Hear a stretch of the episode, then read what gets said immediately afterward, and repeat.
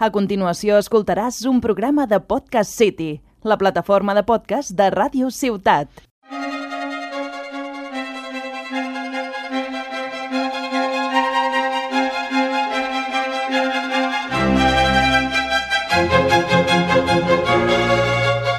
Entrevista a la vista amb Conrad Hortolà.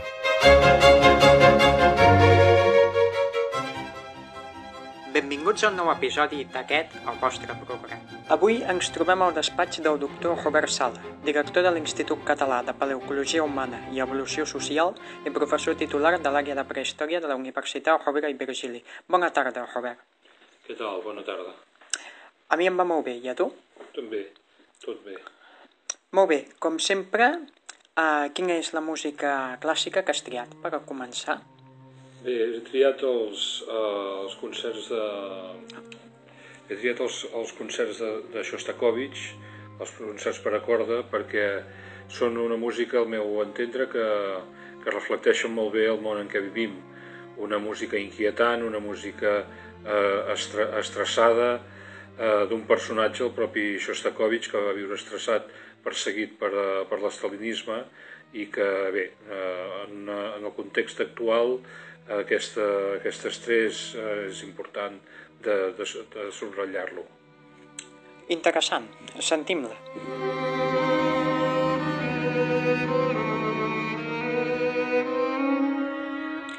Quina és la tasca d'un director d'institut universitari com és l'IPES? Bé, la tasca és la de eh, dirigir l'institut, dirigir la seva gent, procurar que aquest institut, que té una, una tasca molt important al darrere, que eh, és reconegut a nivell internacional, a nivell local també, a, a nivell de Tarragona, eh, mantingui aquesta, aquest interès, aquesta importància i eh, continuï eh, millorant la seva relació amb l'entorn que, que li dona suport i millorant la recerca en el país.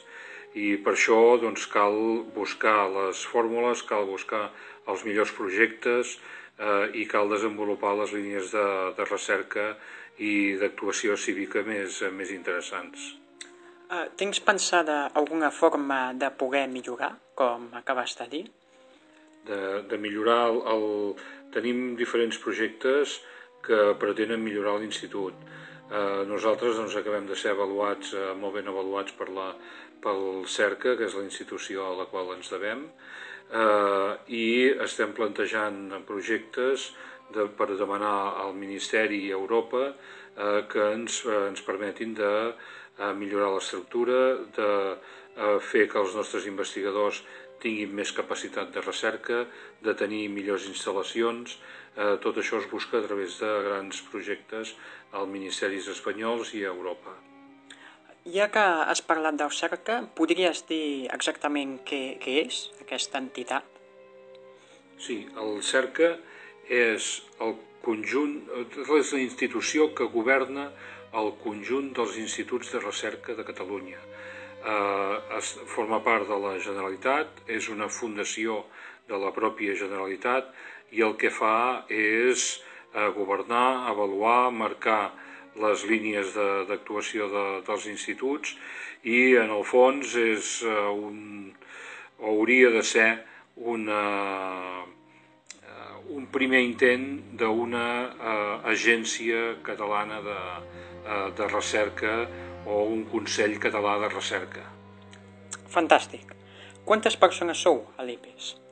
A l'IPES som entorn de 70 persones. Uh, són molts? Són força, sí.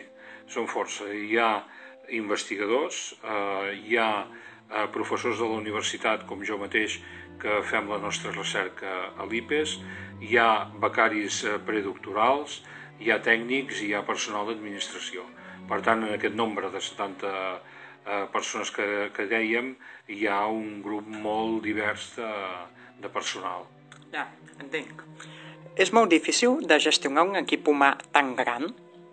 Sí que és difícil, sí que és difícil de gestionar-lo, eh, però t'haig de dir que a l'IPES estem organitzats en àrees de, de recerca i en àrees d'activitat que en bona mesura s'autoorganitzen ells. Eh, ja. Són ells mateixos que, que busquen els seus projectes, són ells mateixos que gestionen i proposen les àrees, les línies de recerca que fan i la feina del director és, és una mica modular-ho tot i harmonitzar-ho. Ja. Tu tens molta vinculació amb excavacions de jaciments del nord d'Àfrica. Quins són aquests jaciments? Eh, estic treballant al Marroc, a la regió del Marroc Oriental, al sud d'Ujda, per orientar-nos des d'aquí a Tarragona, diré que és al sud-est de Melilla, és aproximadament a uns 200 quilòmetres al sud-est de Melilla. Estem en una antiga conca lacustre, això vol dir un, un llac que hi va existir eh, fa més de mig milió d'anys i que ha acabat per, de, per desaparèixer. Nosaltres estem treballant en els sediments que en queden d'aquest llac. Hi ha eh, jaciments amb, amb fauna, hi ha jaciments amb eines de pedra, eh, hi ha jaciments des de fa eh, 2 milions i mig d'anys fins, eh, fins ara fa eh, 7 o 8 mil. Ja, interessant. Has trobat algun tipus de troballa que t'hagi impressionat més, que t'hagi fet destacar més que les altres? Alguna que hagi destacat més o totes són iguals? No, no, les, les troballes no són totes iguals. Eh, nosaltres en aquest, en aquest entorn del Marroc Oriental ens interessa de veure que una regió que té uns 40 quilòmetres de, de diàmetre pot contenir restes de tota l'evolució humana, des dels primers establiments humans a la regió eh, fins a l'adquisició de l'agricultura i l'establiment de les primeres societats urbanes.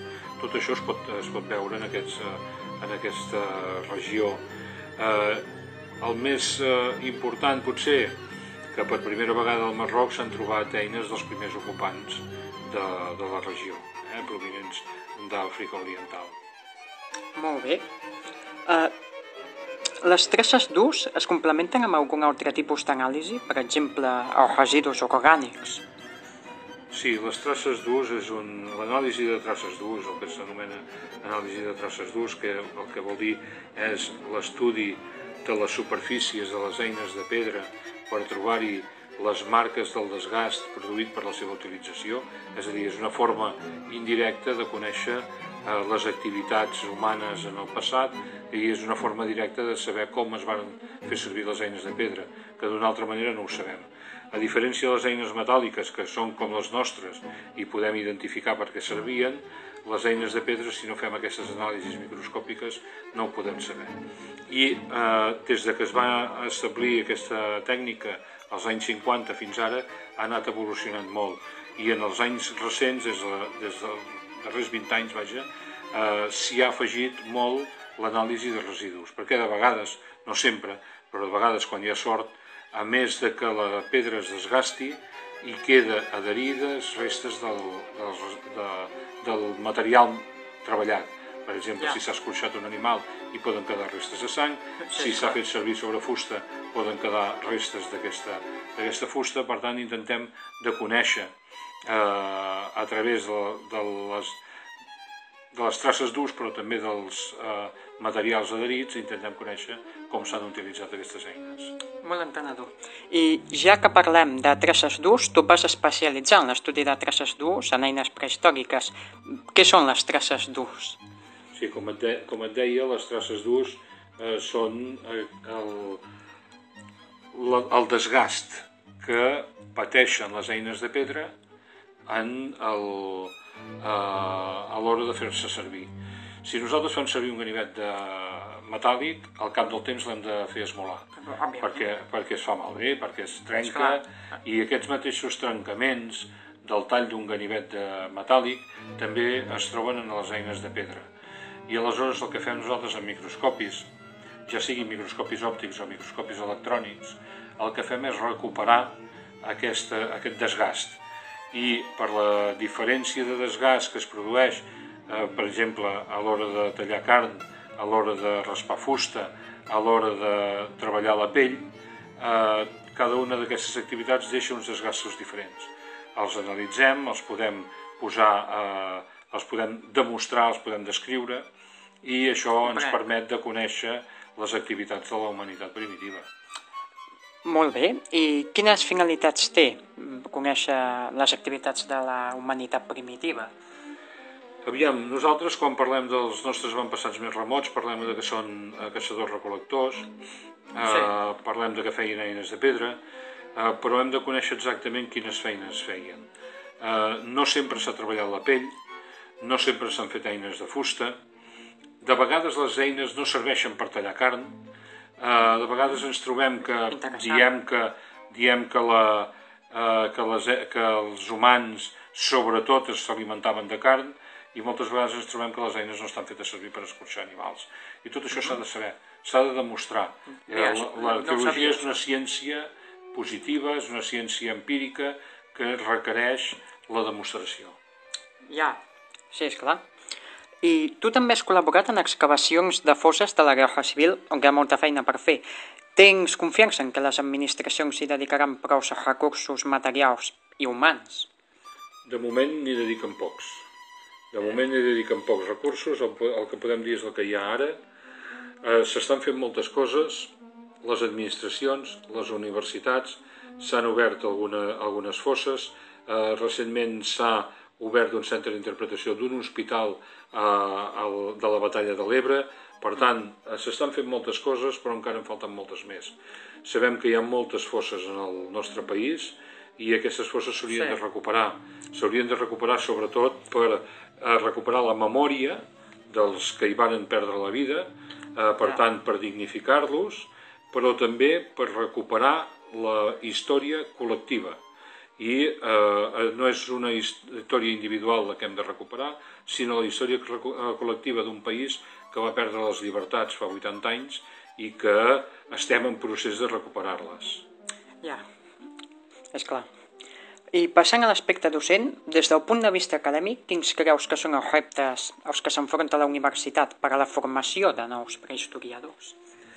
Els, els reptes a què s'enfronta la universitat i que intentem des de, des de la nostra feina cobrir és tenir plans d'estudi adequats, plans d'estudi moderns, plans d'estudi que permetin la eh, millora constant de, de la formació dels, dels nostres investigadors, que permetin que els nostres joves puguin tenir una formació completa, que puguin arribar a la fase final de, de formació en el, en el doctorat i que un cop hagin adquirit la seva formació puguin trobar feina.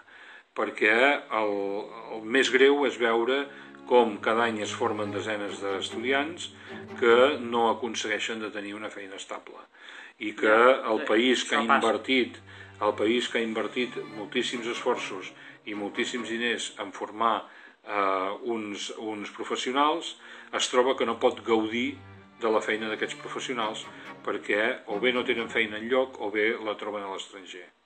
Genial. Ja per acabar, només necessitem que ens diguis quina música moderna has triat per acomiadar-nos. Bé, eh, he triat l'abril del 74 perquè estàvem ara fent, eh, fent esment a les llibertats i a la, i a la història d'aquest país i l'abril del 74 mm, demostra moltíssim eh, a la història de, del nostre país, la nostra història recent. Comprenc. Companys, si coneixeu el Gràcies pel teu temps, Robert. Amb Abril 74 ens acomiadem de vosaltres. El control tècnic del programa ha estat Toni Garcia, a la coordinació Arnau Curto i a la locució qui us parla, Conrad Ortolà. Fins al següent programa. I si un trist atzar m'atura i caic a terra, porteu tots els meus cants ram de flors vermelles. Has escoltat un programa de Podcast City, la plataforma de podcast de Ràdio Ciutat.